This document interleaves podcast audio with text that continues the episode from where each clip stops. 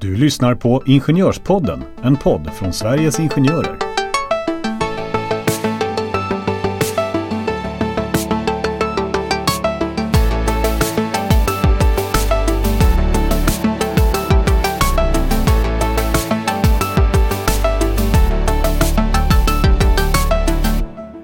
Vilket är det ämne som engagerar mest tror ni? Ja, det här är ett ämne som påverkar alla och det är väl just därför som det engagerar. Jag har bjudit in min tidigare poddkollega Stina Schimstrand för att prata just om det ni nu alla sitter och väntar på, nämligen lön. Välkomna till Ingenjörspodden!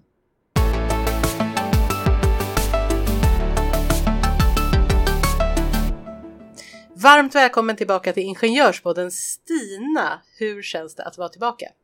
Tack Jenny, vilken sportfråga. Mm. Mm. Roligt att vara här. Ja, det är jättekul att ha dig tillbaka. Idag Stina så ska vi prata om just lön och varför vi pratar om lön just nu är ju för att dels att eh, det så kallade märket är satt och det pratade vi om i föregående avsnitt med eh, vår förhandlingschef Camilla Frankelius. Och nu då så kommer ju lönerevisionerna att dra igång och eh, ja, lönesamtalen helt enkelt kommer kicka igång. Och jag tänker att innan vi börjar prata lön kan vi väl bara kort sammanfatta igen märket. Vad betyder det här märket om man tänker på individen? Och vad är märket? Märket sätts ju på, på, liksom på en makronivå. Det är ju en, en um, lönenorm brukar Mm. man ju säga. Att, att liksom när avtalsrörelsen är klar så fastställer man märket en siffra. Det kan innehålla både eh, en löneökningsnivå men också andra liksom, kostnadsökningar som till exempel det här att vi pratar om deltids och flexpension, alltså en komplettering till tjänstepensionen. För individen så ska ju inte märket vara så liksom, direktstyrande utan den, den lönesättning som vi propagerar för och som vi har i våra löneavtal det är ju att, att vi har en, en individuell lön. Vi har liksom inga individgarantier och vi har inga minsta löneökningsnivåer. Utan man får liksom särskilja att, att märket är på en makronivå för vad Sverige tål Mm medan individen ska tänka eh, vad, vad, vad har jag för typ av jobb, hur utför jag mitt jobb och vad tycker jag att det motsvarar i, i eh, en löneökning. Mm. Eftersom det inte finns några garantier så blir det ju också ett ansvar på individnivå förstås att, att själv göra sin Mm. hemläxa och fundera på vad har jag gjort under året och vad, vad tycker jag att det motsvarar en lön- löneökning? Men hur gör jag det då? Hur gör jag min hemläxa? Hur kan jag påverka min lön? Men det första är ju att, att lönesättning utgår ju från att göra ett bra jobb så ska du också kunna Mm. få bättre betalt för det. Det handlar ju, förutom dina egna arbetsinsatser så handlar det också om att, att em, i lönesamtalet lyfta dem, argumentera för dem. Det kräver ju alltså att du gör en, en ordentlig hemläxa. Om jag ska berätta för min lönesättande chef vad jag gjort under året, då måste jag ju ha dokumenterat det. Det är Mm. ju svårt, kan jag tycka i alla fall, att minna allt, allt man gör under ett år. Eh, så det kan ju vara klokt att göra mm, löpande till exempel, att man skriver ner ja, allt, allt man har hört positivt kanske från kollegor eller en chef uppmärksammar. Det kan också vara sådana saker att eh, man har tagit på sig nya arbetsuppgifter som man vill ska synas extra tydligt, att det sker förändringar i ens tjänst. Eh, så hemläxan tycker jag består i dels att vara förberedd, Mm. förberedd genom att man vet hur man vill koppla samman sin arbetsprestation med liksom de här lönekriterierna som ska finnas. Mm. Eh, så att man finner en röd tråd och någonstans utgå ifrån att chefen kommer inte ha koll på allting som du har gjort. Även om ni har regelbundna avstämningsmöten så, så tänk att du bär ansvaret för att din chef ska veta allt bra du har gjort. Så tycker jag att det finns en annan viktig sak och det är att jag tycker man ska gå in på ett lönesamtal med en förväntan på vilken löneökning man skulle vilja ha. Och då pratar du liksom krontal? Alltså, ja. Det gör jag. Mm. Man har förberett en siffra. Vad den siffran utgår ifrån, det, det måste man ju liksom titta hur, hur ligger min lönenivå utifrån övriga mm. tjänster på min arbetsplats eller utifrån marknadslöneläget. Har ni förening, prata med dem, använd sak och lönesök, vår databas som finns på vår webbsida, att lite kalibrera för att det med en individ in, med en individualiserad lönesättning så har mm. individer också olika förväntningar, olika lönelägen och därmed kanske lite olika målsättningar också i sina lönesamtal. Mm. Så att, att vara förberedd och ha um, tydliga förväntningar som man konkretiserar med sin arbetsgivare gör ju också att man ställer krav på en arbetsgivare att behöva vara tydlig tillbaka. Jag, jag tänker på, eh, nu pratar vi ju till alla våra medlemmar här, men om man tänker eh, våra förtroendevalda mm. utifrån eh, ett förtroendevalda perspektiv, vad har man för roll där under en löneprocess? Förtroendevalda, förenklat så, så gör ju de väldigt mycket både innan och efter själva lönesamtalet äger rum. Jag tycker att det är viktigt att man är, förberedd där också förstås eh, inför till exempel det inledande arbetet när man drar igång och att man har själv funderat över vad är det, vad sätter man upp för mål, vad, vad är erfarenheterna från förra lönerevisionen och vad är det för förflyttningar man kanske önskar göra eller vilka svar skulle man vilja ha från arbetsgivaren för att få en tydlighet i, i vilken lönepolitik som arbetsgivaren har på arbetsplatsen. Mm. Men, men förtroendevalda har ju typiskt sett en väldigt viktig roll i hela löneprocessen, både att vara i kontakt med arbetsgivaren men också bära medlemmarnas erfarenheter från, från lönesamtalen tillbaka till arbetsgivaren och vara liksom den länken emellan. Men sen kan det väl vara så också, alltså lön är ju en drivande faktor för många men man kan ju ha olika mål så att säga. Alltså mm. olika människor kan ju ha olika liksom, mål och då kanske mm. man tänker vad, det bör man väl också tänka på innan, vad, har, vad spelar lönen för roll för mig? Eh, vad har den för roll i det här? Mm, har, har jag andra mål som jag drivs av och vad skulle det vara? Kanske finns andra motivationer, man kanske vill ha andra arbetsuppgifter eller ja, det finns ju en mängd parametrar på, på det här såklart. Ja, men det tycker jag är jätteviktigt att tänka på, inte bara när man ska liksom konkretisera en siffra mm. utan också någonstans bottna i vad hur pass eh, mycket drivs jag av en mm. viss typ av löneutveckling? Det är klart att vi som förbund vill att våra ingenjörer ska ha en bra mm. lön och en god löneutveckling. Vi vet också att man har olika mm. förutsättningar beroende på inom vilken sektor man jobbar eller vilken region man jobbar eller om man är på, på ett mindre eller större företag. Det finns andra saker som påverkar men, men att förenklat säga att lönen är den som driver alla tror jag att um, liksom förminska andra delar som gör att man trivs på en arbetsplats. Precis, Men... vissa kanske vill ha mer flexibilitet, man eh, kanske vill utvecklas åt ett visst håll vilket gör att man kanske vill ha, få in en utbildning. Alltså det finns ju många olika aspekter så att eh,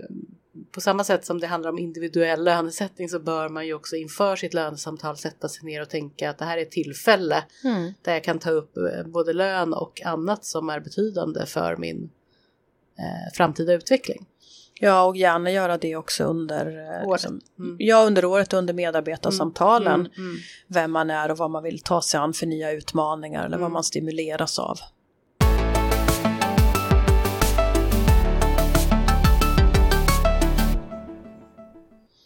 Sen tycker jag att man också ska tänka att lön är någonting som um, man kan prata om vid fler tillfällen enbart under lönesamtalet. Mm. Det är ju naturligtvis för de flesta självklart att man kommer med ett löneanspråk och förhandlar sin lön när man får en ny anställning, både vid sitt första arbete eller när man byter arbetsplats. Mm. Men eh, det kan ju också vara eh, som att man kan behöva påminna sig själv att det finns ju fler tillfällen att prata lön även med sin liksom, lönesättande chef, till exempel under sina avstämningssamtal. En tjänst kan ju förändras ganska mycket under året. Mm. Eh, ibland så upplever ju vi att um, arbetsgivaren gärna fyller våra tjänster med, med ganska stora förändringar utan att varken titel förändras eller man får ett nytt anställningsavtal eller lönen justeras. Mm. Och, och där är det också en sån sak som vi tillsammans måste hjälpas åt med att, att lite grann komma bort från tanken att lön bara kan revideras en gång per år under lönesamtalet utan vi behöver ju också ställa krav på våra arbetsgivare att eh, förändrade arbetsuppgifter kan också innebära förändrad lön. Mm. Eh, och att, att det är någonting som vi ska liksom, skapa fler förhandlingstillfällen under åren. Att inte, inte vänta om man får en befordran, eh, att det tar tid innan man upprättar, upprättar ett nytt anställningsavtal eller att man lämnar alla löneförändringar till, vi tar i lönerevisionen, mm, utan att, att um, arbetsplatserna förändras på många olika sätt. Mm. Uh, med, det ser vi efter pandemin hur man jobbar hemma mm. mycket mer. Uh, vi ser i våra tjänster att det är en ganska snabb förändringstakt i våra kompetenser, hur vi ska hålla oss ajour med saker och jag vill liksom lägga till lön till mm. det, att, att uh, vi måste också vår uppmaning från, från Sveriges Ingenjörer är naturligtvis att, att, att som ingenjör med den höga förändringstakten som är och de förväntningar och krav som ställs på ingenjörer som väldigt viktiga yrkesgrupper i, i liksom samhällets mm. omställning och förändring så så vill ju vi också se fler förhandlingstillfällen under året och, och, att, att man som, som medlem lyfter det med sin lönesättande chef under året. Om man sitter på ett avstämningssamtal och man pratar om vad man har gjort bra eller vad man ska utveckla, vad man ska göra. Mm. Att också kunna visa som, som medlem att jag sätter ett samband mellan att, att de förändringar som sker i min tjänst tycker jag också borde innebära en förändring i min lön och att det ska också kunna ske vid fler tillfällen än en gång per år. Och, och där tror jag att vi måste våga liksom ställa lite fler krav på våra arbetsgivare. Att både kunna eh, sätta lön vid fler tillfällen men också att, att vi ska behöva vara, ibland behöver vi vara lite tydligare med att vi själva sätter ett samband med högre krav, högre lön.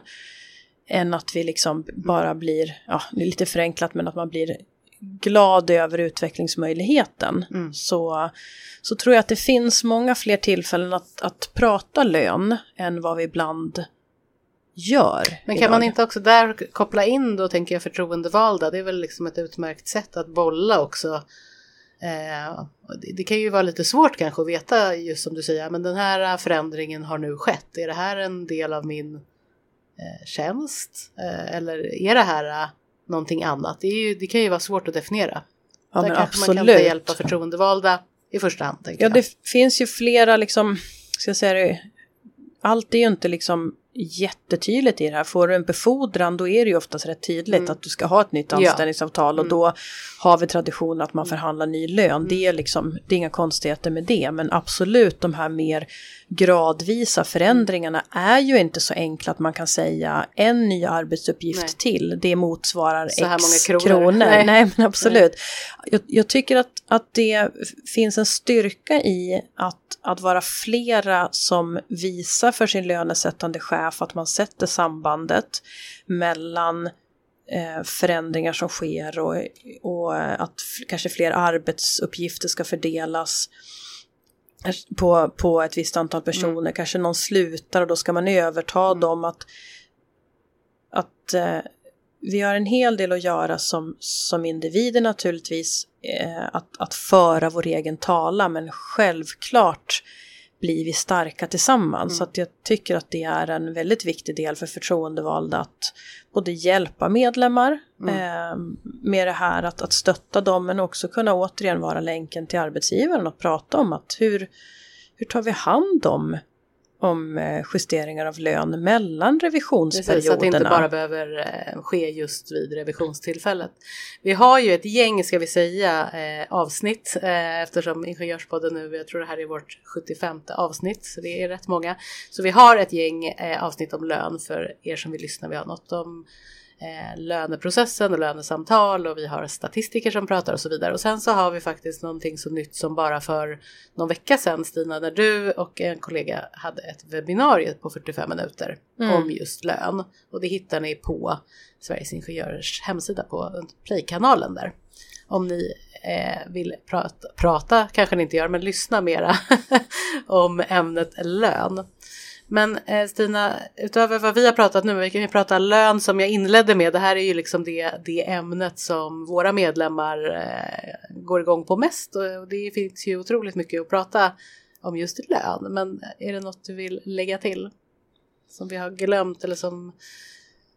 Jag tänker att man ska ha en eh, en, liksom ett långsiktigt perspektiv mm. när man pratar lön. Att, mm. att hitta en quick fix för vissa saker, då kommer mitt snabba svar vara byt jobb. Mm. För att det, där har du oftast den bästa förhandlingssituationen. Mm. Eh, men att, att hitta den där snabba enkla lösningen mm. på gör så här så får du upp din lön, då är det mer clickbaits. Eh, utan, utan att man tänker en långsiktighet i det, mm. att man har eh, en tydlighet, att man är konkret och inte särskilt konfliktfylld mm. i dialogen med sina arbetsgivare.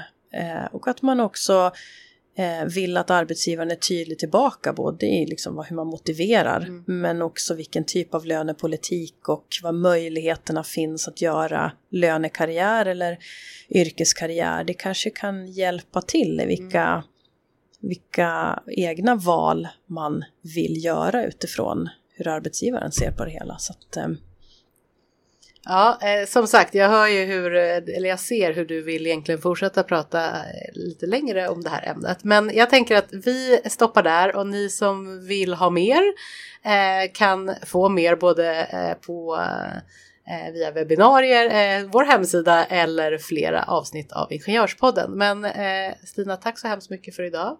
Tack. Vi kommer säkert få tillfälle att ses igen. Hej då!